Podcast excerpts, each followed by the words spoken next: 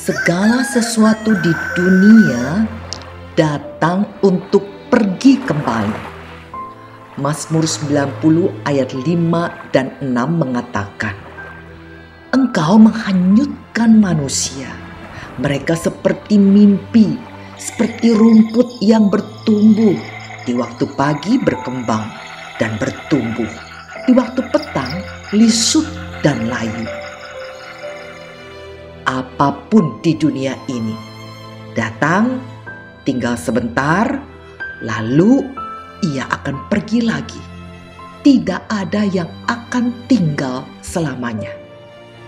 Sebut apa saja. Hidup, lahir, bertumbuh, lalu kembali lagi ke asalnya.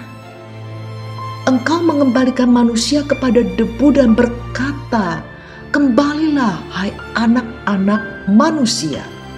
Mazmur 90 ayat 3. Penghasilan.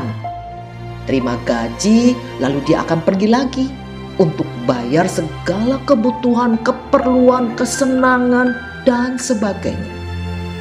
Oleh sebab itu firman mengatakan untuk segala sesuatu ada waktunya. Pengkhotbah bab 3 ayat 2, 4 dan enam. Ada waktu untuk lahir, ada waktu untuk meninggal, ada waktu untuk menanam, ada waktu untuk mencabut yang ditanam, ada waktu untuk menangis, ada waktu untuk tertawa, ada waktu untuk menyimpan, ada waktu untuk membuang kalau kita tahu atau sadar bahwa semua ada waktunya, maka kita seharusnya bijaksana dengan waktu yang masih diberikan kepada kita. Sebab kita tidak pernah tahu kapan waktu itu akan pergi dari kita. Tentunya sebagai manusia kita merasakan beratnya hidup ini ketika menjalani masa-masa sulit kesabaran dan daya juang untuk bertahan menjadi karakter yang perlu kita miliki saat kesulitan itu hadir dalam hidup kita.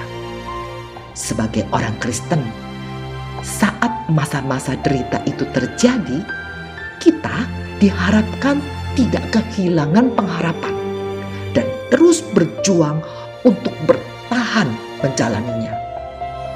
Tentu saja semua itu bisa kita lakukan hanya dengan pertolongan Tuhan. Yang terpenting bukan waktu dia datang, tapi bagaimana kita dapat meninggalkan kesan yang baik sewaktu ia pergi.